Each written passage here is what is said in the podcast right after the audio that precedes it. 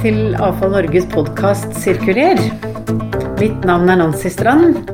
I dag skal vi snakke om klima, ressurser og grønn omstilling. Og dette er andre episode av to, hvor vi skal møte ulike syn på hvordan den økonomiske politikken må innrettes fremover. I dag møter vi økonomen Sigrun Aasland, som er nestleder i Tankesmien Agenda.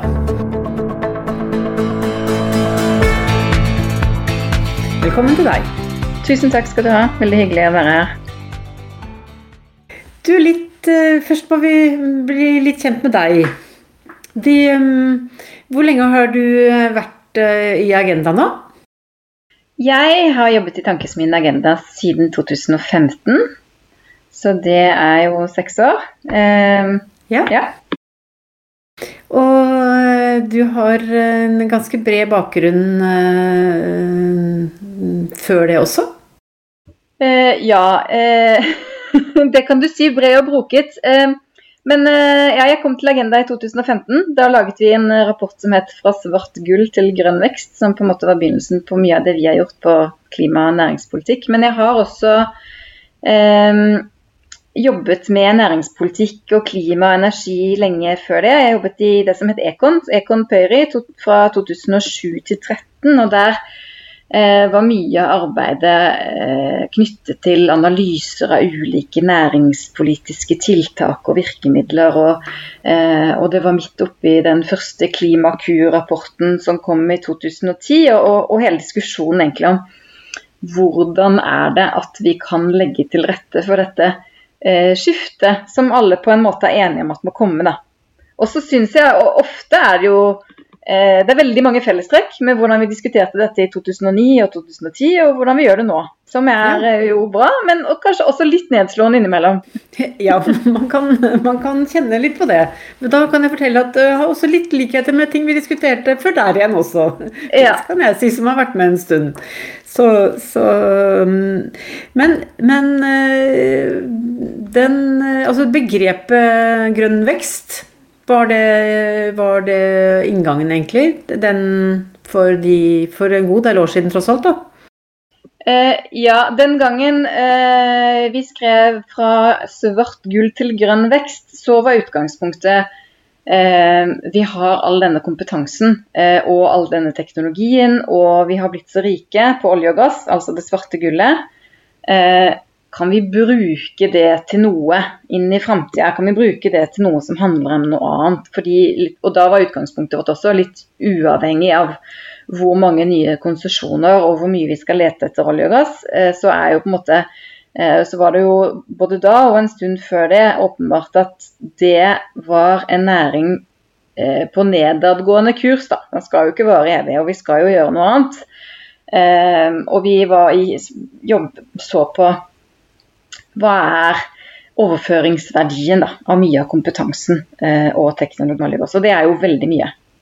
Ja, og det, det, fordi altså det eh, Tankesmien Agenda har nå da skrevet et, eh, et eh, notat som eh, man har kalt 'Grønn vekst for framtida'. Ja, eller vi har laget to, faktisk. Eh, et som vi har kalt 'Grønn vekst for framtida', og et som vi har kalt 'Fire samfunnsoppdrag for rettferdig grønn vekst'. Ja. Mm. Og som konkretiserer egentlig litt det første. Ja, men her er det et ganske sånn bredt et, det er et bredt eh, utvalg, eller et mm. bredt spekter av, eh, av samarbeidspartnere som har deltatt i arbeidet? Ja, altså her har vi jo egentlig vært litt sånn sekretariat for et politisk verksted. Det er jo, Vi jobber på litt ulike måter, men i dette tilfellet gjorde vi det. Så vi har hatt med oss politikere fra Arbeiderpartiet, Senterpartiet, SV og MDG. Eh, og eh, sammen drøftet sant, hva er det som utgjør eh, deres felles tanker om næringspolitikk. Ofte så handler jo politisk debatt om å finne uenigheter og konflikter, og nå skal vi inn i en valgkamp, og da kommer det helt sikkert til å bli mye av det. Eh, men her var målet å se om det var noe disse fire var enige om.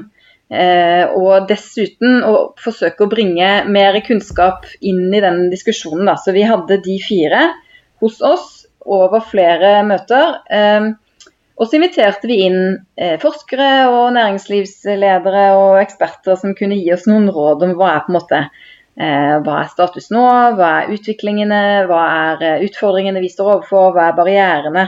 Så utgangspunktet er jo også at enten du snakker om ressursbruk eller klimagassutslipp, men alt som handler om mer bærekraftig næringsutvikling, at det skjer utrolig mye ute i norsk næringsliv. Eh, teknologiutvikling og nye forretningsmodeller og nye løsninger. Eh, men samtidig så er det jo også sånn at utslippene har ikke gått ned så mye som det man gjerne skulle, og ressursbruken har heller ikke vært så effektiv som man gjerne skulle hatt den. Så hva er det på en måte da som skal til? Eh, og ofte så var vi veldig sånn konkrete i bestillingen på dere må si til politikerne hva de må gjøre for at dere skal få realisert all, all denne teknologiutviklingen som er, som, ellers som er mulig, da. Og, ikke, og da selvfølgelig ikke hva enkelte bedrifter nødvendigvis trenger, men hva som er liksom de strukturelle barrierene for å få til eh, For å ta i bruk mer bærekraftige løsninger når eh, de finnes, men kanskje er litt uprøvde, litt dyrere enn alternativet. Eh, ikke så utbredt i markedet ennå. Mm, ja, ikke sant. Så det, det, det, det, ene, fall det ene notatet, da, det har jo en mm. undertittel med, med en retningsgivende nærings- og industripolitikk. Mm. Og allerede der så har, vel, har, vel, har dere vel liksom satt tonen for, for innretningen på, på, det dere har kommet fram til? Ja, eh, det har vi jo. Det er jo der har det også vært mye debatt. Om, det er jo en litt sånn høyre-venstre-skillelinje. Hvor mye retning skal staten og myndighetene gi i næringspolitikken?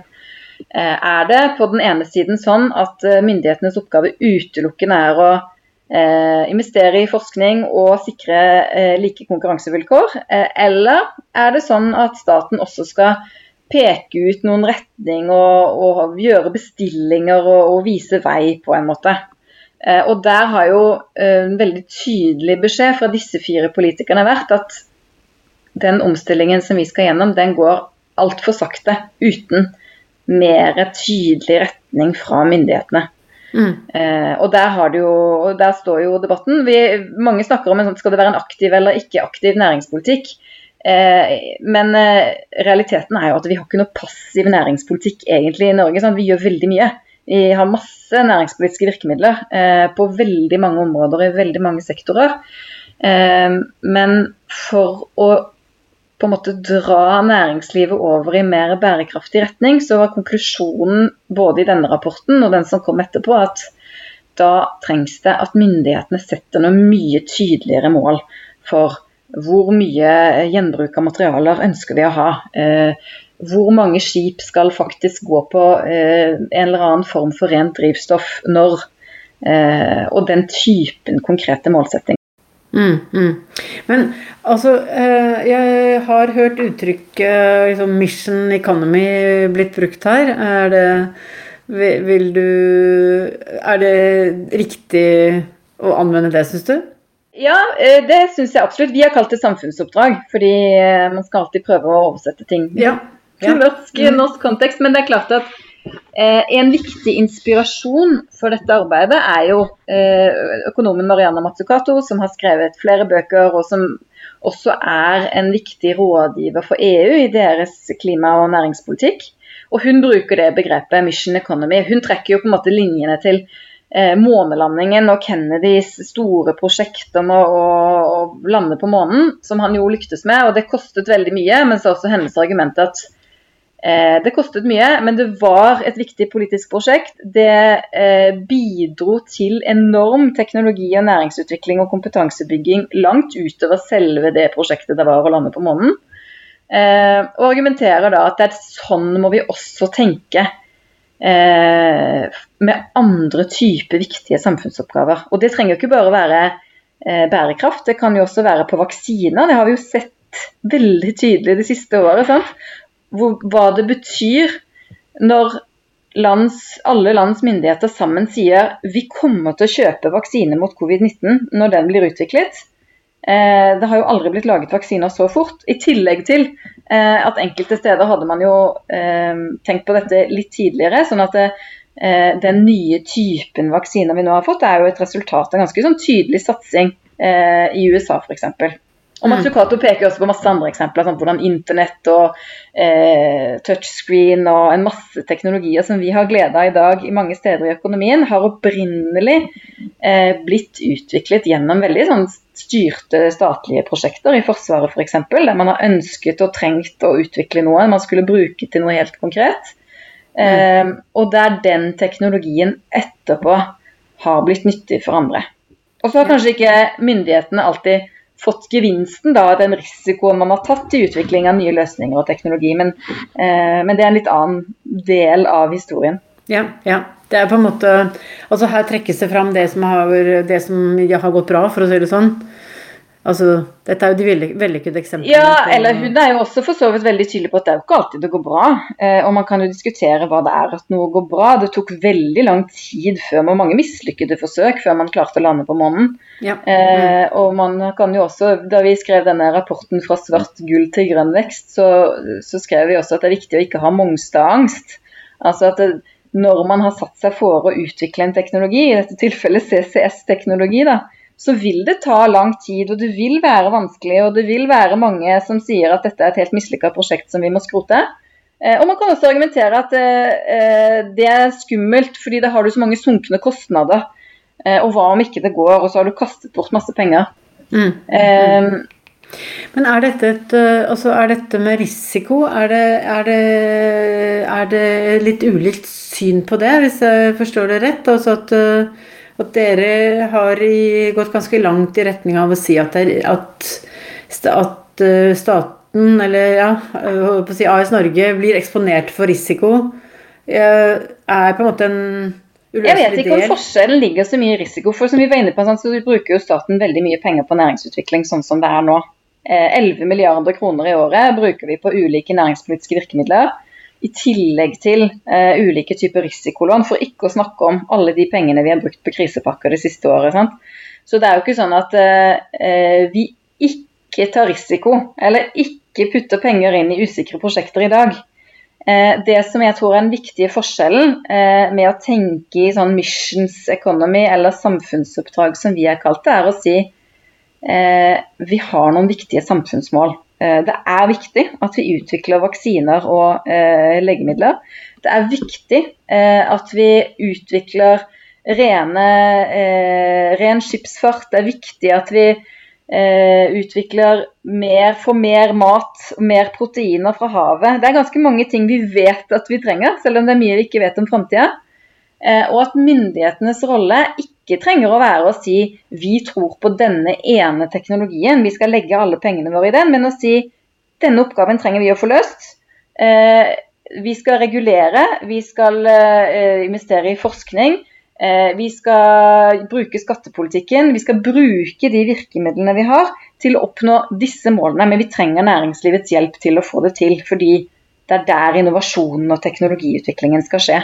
Mm. Eh, Så jeg tror ikke forskjellen ligger så mye i risiko, men, men det er klart, det er jo eh, Det er veldig lett å argumentere eh, Jeg ser at mange av argumentene mot handler om det. Ja, men tenk om staten bruker penger og bare taper de. Men det som skjer nå, eh, er jo også at stater bruker mye penger på å utvikle teknologi og på å avlaste risiko i oppstartsbedrifter. Eh, og så i andre enden, når det går bra, så får man jo ingenting igjen av den gevinsten. Den amerikanske, de amerikanske myndighetene har brukt enorme summer på Elon Musk og hans eh, ulike prosjekter.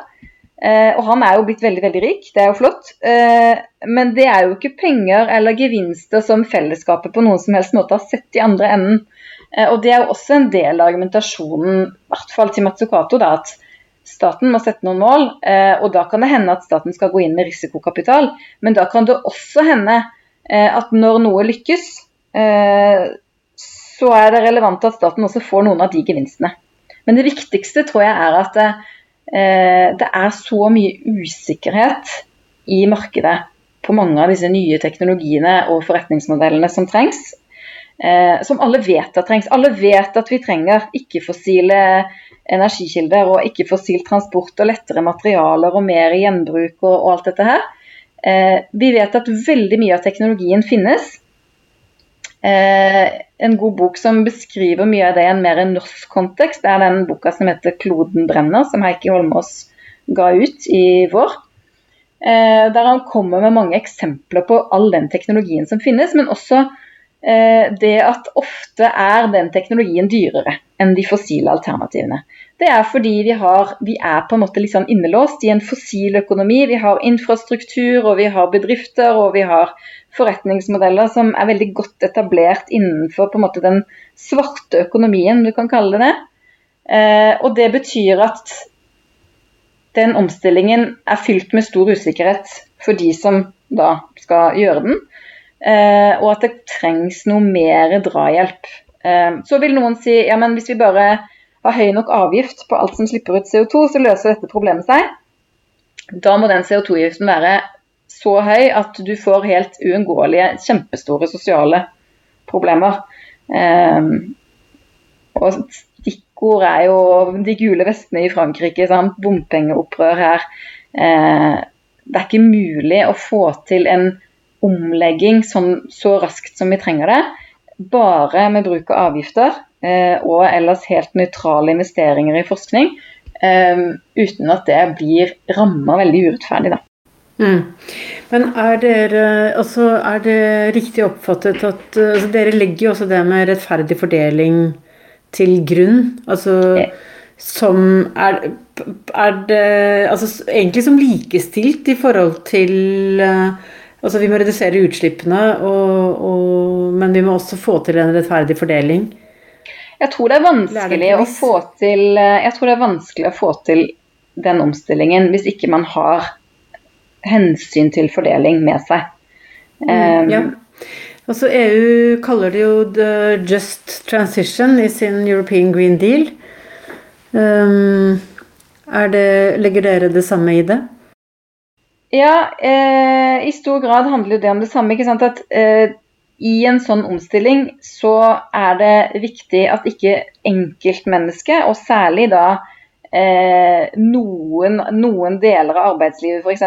Eh, skal bære den kostnaden. Det er fellesskapet som skal bære den kostnaden av eh, at vi skal gjennom en sånn omstilling. Eh, og Det handler både om at eh, det er viktig å altså, Vi har to store utfordringer eh, i samfunnet. Det gjelder i Norge og det gjelder egentlig andre, alle andre land. sånn at Vi er nødt til å legge om økonomien i mer bærekraftig retning. Fordi ellers så blir temperaturøkningen for stor, og ellers så tapper vi jorda for det er mer ressurser enn det vi har.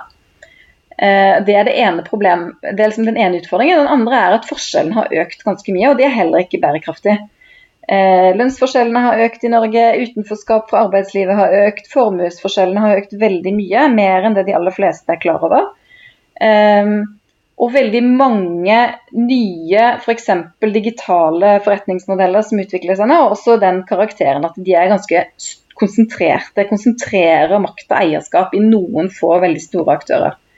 Eh, så vil noen si jo, men det er to helt separate problemer. Vi må løse klimaproblemet for seg, og så må vi løse økte økonomiske forskjeller for seg. Men det er en veldig lite realistisk tilnærming.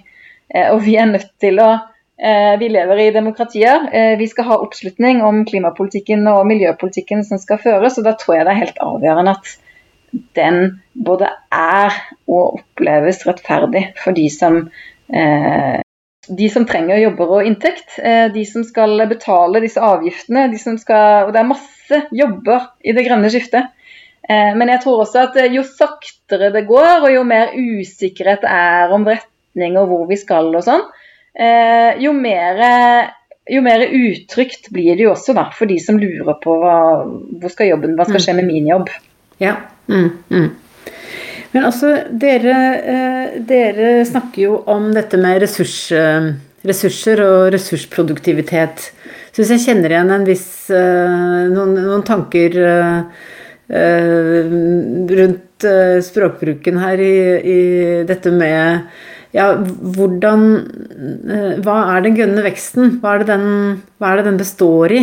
Og, og er denne Altså mye av, i hvert fall på miljøsiden, så har jo tanken om at nei, vi kan ikke ha evig vekst fordi eh, vi har jo en endelig klode og men dere bruker uttrykket grønn vekst, og, og ja. det regner jeg med er et, et bevisst valg? ja, det gjør vi veldig bevisst. Altså, det er to eh, eh, det, er no, det, er flere viktige premisser i den analysen. Det ene er at vi alle fire veldig tidlig ble enige om at vi kan ikke snakke om vekst og så prøve å få det til mest mulig bærekraftig. Altså det, det ligger en absolutt begrensning i jordas tåleevne, eh, men også at hvis vi klarer å bruke ressursene mer effektivt, så er det absolutt rom for vekst. Eh, også innenfor bærekraftig næringsutvikling og bærekraftig økonomi.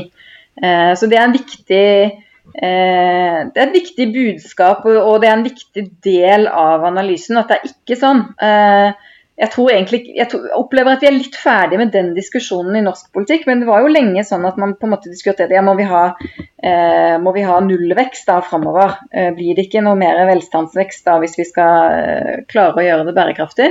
Mm. Eh, og premisset her er at jo, det er fullt mulig, men da må vi bruke ressursene mer effektivt. Eh, og det er det jo også stort potensial for å gjøre. Eh, vi kaster jo enormt mye. Jeg tror vi, vi resirkulerer 1% av tekstilvarene i verden eller noe sånt. Altså, det er kjempestort potensial. Og det som er interessant, syns jeg, er jo også at det er både studier fra EU og fra her i Norge, fra Sintef, antyder at det ligger et stort potensial for sysselsetting og verdiskaping i nettopp det å bruke materialer annerledes, eh, gjenbruke mer, ulike former for delingsmodeller, reparasjoner. Eh, så det er jo absolutt forenlig da, eh, å se for seg en økonomi som vokser og som har jobber til folk, med en økonomi som er bærekraftig. Men, men det er ikke gjort over natten, og det, ikke, og det, det kommer i hvert fall ikke til å skje av seg selv. Mm, nei, ikke sant. Jeg tror nok at uh, altså den måten å, å tenke sirkulærøkonomi på gir definitivt gjenklang i, innenfor vår bransje, da, altså avfalls- og gjenvinningsbransjen. Altså det er på en måte en, det er det å håndtere ressursene. Altså i utgangspunktet en ressurseffektivitet. Men vi ønsker jo en, en, en, en utvikling hvor det som vi klarer å hente ut av økonomien, er det som tas inn igjen. Mm. Uh, til å erstatte det istedenfor å utvinne hele tiden nye, nye råvarer. Så og et eksempel på ja, og jeg tror et eksempel på retningsgivende næringspolitikk da, sant? Eh, Jeg oppfatter ofte litt sånn ute i den offentlige debatten at noen tror at retningsgivende næringspolitikk det betyr at staten skal eie alle virksomhetene og, og detaljstyre hva man skal produsere og hvordan man skal gjøre det. Jeg tror ikke noen egentlig tror det, men det er kanskje litt sånn artig retorisk poeng. da. Eh, men det retningsgivende politikk handler om, er jo å si la oss sette noen mål for hvor mye materiale vi skal gjenvinne. Eh, la oss sette et mål for om vi i hele tatt skal ha noe avfall, og i så fall hvor mye det skal være. Og så samler vi tiltak, næringspolitiske virkemidler omkring å nå det målet. Det betyr da må vi antagelig legge om skatte- og avgiftspolitikken, sånn at det er mindre skatt på arbeidskraft og mer skatt på materialer. Og aller mest skatt og avgift på nye såkalt jomfruelige materialer, f.eks. Da må vi tenke eh, nytt om skattlegging og moms på varekjøp versus reparasjon og tjenester. Da må vi eh, bruke eh, alle de ulike virkemidlene som vi allerede har i næringspolitikken, eh, eh, inn mot et mål. Og så må myndighetene gå i dialog med, de, med, store virksomheter og med arbeidslivsorganisasjoner innenfor den bransjen og si la oss si at vi har dette målet her. Nå har vi et mål om å halvere avfall innen år X. Hva må til for at vi skal få til det? Da har vi noen forventninger til dere. Eh, da kommer det til å komme noen forbud. Eh, de kan vi godt varsle god tid i forveien. Det kommer til å komme noen påbud, de skal vi også varsle om. Det kommer til å bli noen skatteendringer. Det kommer til å bli noen nye avskrivingsregler for kapitalvarer. Og så samler man på en måte alt dette da, i en slags pakke, og så følger man opp. og Så kommer man tilbake og møtes om et år. Hvordan går det nå? Har vi fått ned eh, avfallsmengden? Har vi fått opp gjenvinningsgraden? Ja eller nei? Nei vel, da må vi skru til mer, ikke sant det er det man mener med retningsgivende næringspolitikk. Eh, og det tror jeg eh, hadde vært eh, mye mer effektivt enn det vi har nå, som er for det første litt sånn ofte litt sånn lange, luftige, store klimamål. Eh, og så får vi ulike meldinger, næringsmeldinger. Vi fikk en hydrogenmelding fra regjeringen fra et års tid siden sant, som er veldig sånn deskriptive. Alt dette kan komme til å skje, og her er det mange teknologier og muligheter. Men så blir det litt sånn hodeløse kyllinger i hvordan vi skal da få til det. Hvem skal ta hvilken risiko, hvilken rekkefølge skal det skje i. Eh, og det er noen store koordineringsproblemer der som myndighetene kan være med på å løse. da. Mm, mm. Men er det altså øh, da, jeg, jeg, kjenner jo altså som, Når du jobber med avfall, da, så er du jo vant til at ting må funke hver eneste dag. Mm. altså Hvis ikke avfallet blir hentet, eh, så, så blir det krise, egentlig. Så, så, vi, i likhet med mange næringer, skrev jo øh, et veikart for sirkulærøkonomi i, når Grønn konkurransekraftutvalget jobbet mm. i 2016. Eh, og det var jo stor mobilisering i de, alle de store næringene i Norge. Lagde sitt eget veikart. Eh, men det Så spørsmålet Mye av tankene ligger jo der. Eh, og som, som, du også var inne på, dette er jo egentlig kjente virkemidler. Men hva er det som skal til da, for, å, for å gi det den nødvendige mm, kraften, eller hva jeg skal si? Altså er det er det mange små endringer, eller er det noen store grep i, i, disse virkemidlene som må endres, eller som må settes i verk for at dette her skal begynne å skje i litt raskere tempo? Ting skjer jo. altså ikke, må på, jeg må alltid passe på å ikke bli liksom for, for pessimistisk, for veldig mye skjer. Men det er et eller annet med taktskiftet her. Ja, det er et eller annet med taktskifte, eh, og jeg er helt enig. Vi skal passe på å hver gang si det. De som går foran nå i Norge, er jo eh, i all hovedsak næringslivet.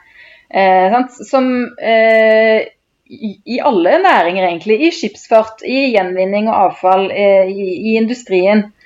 Eh, men det går ikke fort nok, og det er ikke samlet nok, og det er for stor usikkerhet. og Det er derfor jeg tror at eh, det er ikke nødvendig å gå inn og detaljstyre hvordan disse virksomhetene skal disponere sine ressurser, men jeg tror det er nødvendig å gå inn med noen mye tydeligere mål og krav. Da. Og historisk er det jo det også som har fungert når man skal utvikle og ta i bruk ny teknologi. Forbud mot fakling f.eks., strenge krav til industriens utslipp.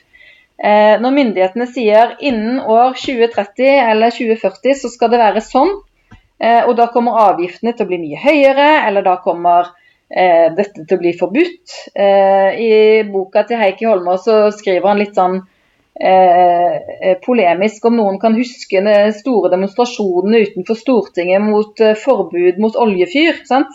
Det var jo ingen stor demonstrasjon mot forbud mot oljefyr. Fordi det var varslet lenge i forveien, det fantes støtteordninger for å fase inn. Men det er noe med å sette noen litt sånne tydelige sektormål som jeg synes mangler i næringspolitikken. og som Grunnlaget tror jeg du har helt rett i, ligger jo i alle disse veikartene. Men det hjelper ikke å ha et veikart hvis ingen sier klar, ferdig, gå, og hvor er det vi skal være når? Eh, og hva er det som trengs da? Veldig mange av disse veikartene eh, sier jo sånne ting som at her finnes den og den teknologien. En utfordring med den er at den fortsatt er ganske dyr, den har ikke nådd så stor skala ennå. Eh, den er fortsatt på utprøvingsstadiet. Ja, men hva er det som skal til da for at den blir skalert opp? Da må det jo skje noe med det kostnadsbildet. Det må være en eller annen form for risikoavlastning, og det må kanskje også være noen mye tydeligere signaler om framtidige forbud og kostnader og avgifter.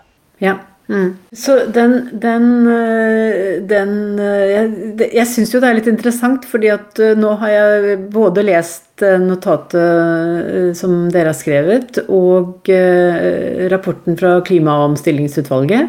Og der pekes det også på dette med sektorvise strategier. Mm, så det forekommer meg at det er vel kanskje Er det nyanser vi snakker om her, som i, i ulike syn, eller er det, er det, på noen områder hvor det er helt grunnleggende uenighet her? Jeg tror det er mye nyanser. Eh, det er mye nyanser som ofte fremstilles som mye liksom, større avstand enn det som er realiteten. Men, eh, men det er noen forskjeller for, i hva man mener med strategi, f.eks. For, eksempel. for det finnes jo masse strategier. Vi har jo en uh, strategi for sirkulær økonomi, og vi har strategi for bioøkonomi og strategi for hydrogen. Uh, men strategiene som har kommet så langt, er jo ganske sånn deskriptive, håpefulle. Mangler ofte litt tiltak og litt tydeligere mål, da. I oppfølgingsrapporten som vi laget til Grønn vekst for framtida, som vi kalte for fire samfunnsoppdrag for grønn vekst, så valgte vi ut da, eller de fire politikerne sammen valgte ut fire ganske sånne konkrete mål. Det skal være 100 utslippsfrie skip eh, i norske farvann innen 2030. Eh, vi skal doble produksjonen av eh, eh i norsk havbruk på en bærekraftig måte. Der er det masse potensial for å produsere mye mer mat, men det er noen store miljøutfordringer. Um, vi skal øke selvforsyningsgraden av fôr. Vi importerer altfor mye eh, soyabasert kraftfôr fra utlandet, og det gjør at vi er lite selvforsynte også i mat. Um, og det å sette sånne såpass konkrete mål, det har det vært mye motstand mot fra si høyresiden i politikken. da. Um, fordi man mener at det er eh, for sterk statlig inngripen. Um, men jeg tror eh, hadde man forsøkt å gjøre det på et par områder, uh, så er jo for det første det interessant at veldig mange næringsaktører nettopp ønsker seg det. Og det handler helt sikkert om at mange av oss ønsker seg mer støtteordninger for å få til ting som de har lyst til å utforske. Ehm, men det handler også om det å, å lage et litt sånn level playing field. ikke sant? Hvis man Eh, hvis man skal kjøpe en båt og den skal være på havet i 50 år fram i tid, så er det veldig nyttig å vite hva er myndighetenes mål nå? Hva kommer til å bli reguleringene? Hva kommer til å være lønnsomt for oss om 10 og 15 år? Um, så er, jeg tror det er en forskjell i eh, det, er, altså det er en nyanseforskjell, men det er en forskjell i hvor konkret man ønsker at myndighetene skal være. Og så sier jo også eh, disse politikerne på rød-grønn side at i noen tilfeller så kan det å få eh, risikoen avlastet også innebære f.eks. at staten går inn med risikokapital. Det kan også innebære at staten skal være eier enten midlertidig eh, eller over lengre tid. Det kan være helt eller delvis. Eh, men uten at statlig eierskap er noe sånn mål i seg selv. Eh, men det er klart at det kan for det første avlaste risiko i en sårbar fase. Og kan sørge for at hvis man da lykkes med noen av disse omleggingene, så er det noe gevinst til fellesskapet i andre enden av det. Et sted hvor vi har vært veldig flinke i Norge til å sette veldig konkrete mål, er jo å få flere mennesker til å kjøre elbil. Sant? Det er et sånt klassisk problem der det er dyrere eh, enn alternativet. Eh, og jo færre elbiler det er, jo mindre interessant er det å ha elbil, fordi det er ikke nok ladestasjoner. Eh, det må være etterspørsel nok til at det stadig produseres nye, og teknologien blir stadig bedre. Og nordmenn har jo bidratt enormt, både til at Elon Musk har blitt veldig rik, men også til at elbilteknologien har utviklet seg.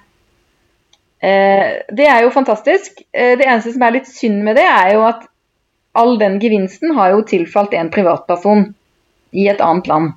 Men er dette, er dette nå liksom farvel til den nærings, næringsnøytrale eh, politikken? Ja, altså eh, Det kan du godt si, men, men, jeg er ikke med på at politikken er næringsnøytral. Altså Vi har jo eh, for det første veldig mange gode støtteordninger i veldig mange sektorer akkumulert over lang tid. Vi har ordninger for reiseliv, og for bioøkonomi og for kreative næringer og for mye forskjellig. Det er jo ikke nøytralt, det heller. Eh, og så har vi en næring som har vært så ekstremt lønnsom at den har jo tiltrukket seg veldig mye kompetanse og veldig mye kapital. Har bidratt til å utvikle masse kompetanse og teknologi. Eh, men det er litt illusorisk å tenke da at norsk økonomi på noen som helst måte er nøytral. Eh, både fordi vi er på en måte så eh, Vi sitter Vi er så godt etablert i oljeøkonomien. Sant? Vi har, eh, og det har jo hele verden, er jo fossildrevne økonomier. Eh, det gjør at infrastruktur og forretningsmodeller og alt er på en måte rigget inn mot en fossil økonomi. Eh, det er ikke nøytralt. Det, det gir jo en fordel Eh, til etablerte forretningsmodeller, og en ulempe til nye og mindre etablerte forretningsmodeller. Eh, og det andre er at det, det er jo ikke sånn at du eh, Næringsaktører som ønsker seg støtte til ulike formål i Norge, får jo veldig ofte det. Det holder å si her blir det arbeidsplasser. Så får man veldig ofte det man vil, men kanskje litt vilkårlig.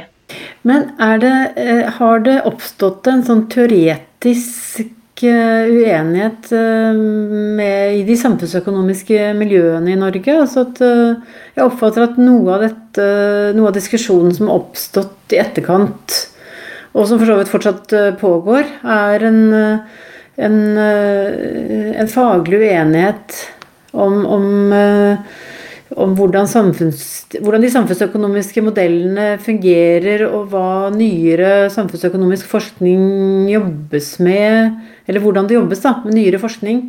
Jeg tror det er en, det er en faglig uenighet, og så er den Ofte fremstår den, tror jeg, mye mer polarisert enn det den egentlig er. Altså I den politiske polemikken på en måte, så får du et sånn skille mellom de som mener at staten skal være næringsnøytral, eh, ikke velge vinnere, legge likt til rette for alle, sikre rettferdige konkurransevilkår. Eh, og for øvrig ikke blande seg i noen teknologivalg eller, eh, eller noen retning, på en måte. Og så i den andre enden en, det man ofte kaller en aktiv næringspolitikk, der myndighetene skal gi mer retning i form av å sette noen mål og samle virkemidlene om de målene. Bidra til å løse koordineringsproblemer, bidra til å løse eh, uløste skalaeffekter og usikkerhet pga. politisk risiko. en del sånne ting. Så det er kanskje en mer sånn strukturell tilnærming. da. Og det er jo klassisk skille, på en måte. Eh, lenger til høyre, dette løser markedet, så lenge vi bare prissetter eksternalitetene. Lenger til venstre, her er det så mange strukturelle barrierer og usikkerheter at dette løser ikke markedet. Staten må gripe inn eh, og gi mer retning. Så det er en skillelinje. Um, og så I liksom, diskusjonen så kan man av og til få inntrykk av at de som er på den ene siden, de vil at staten skal gjøre ingenting. Utelukkende um, har konkurransetilsyn, på en måte, mens de som ligger mer til venstre, vil ha fullt statlig eierskap og detaljstyring av alle, alle virksomheter. Begge deler er liksom tullete. Eh, og jeg syns kanskje særlig eh, at jeg hører mye av det siste. At det blir sagt at nå vil venstresiden inn og detaljstyre, og det er veldig farlig. og Eh, staten kan ikke stå for all produksjon og sånn. Selvfølgelig kan den ikke det. Eh, og jeg tror ikke du finner så mange på venstresiden heller som foreslår det. Eh, så det er jo en sånn, Men sånn er det jo ofte, da. I en politisk debatt så blir det en viss grad av sånn polemisk polarisering på et vis, ikke sant. Som, eh, som, som gjør at det blir morsommere å høre på, kanskje. Ja, det, det, det skaper i hvert fall en stor interesse. Ja for et fagområde, og kanskje også for å nettopp å gå inn i det på en annen måte. Men jeg tror også forskjellen er reell. Altså, det, det, spiller en rolle hvem som sitter i regjering, på hvilken hvor man havner på denne, hver side av denne skillelinjen. Da. Mm.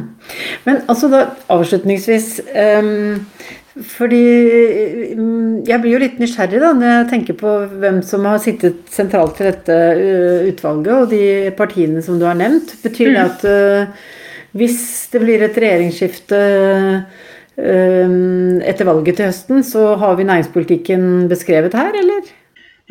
Det skal ikke jeg ta ansvar for, men det kan jeg jo ikke. Jeg kan heller ikke uttale meg på vegne av noen av disse fire partiene. men men, eh, men jeg syns jo det tegner seg et veldig tydelig bilde, ja. Og jeg syns det er interessant at Arbeiderpartiet, SV, MDG og Senterpartiet, eller politikere fra disse fire partiene, eh, er såpass tydelige i hva de mener skal til, og også veldig konkrete eh, i hvordan man kunne satt det ut i livet.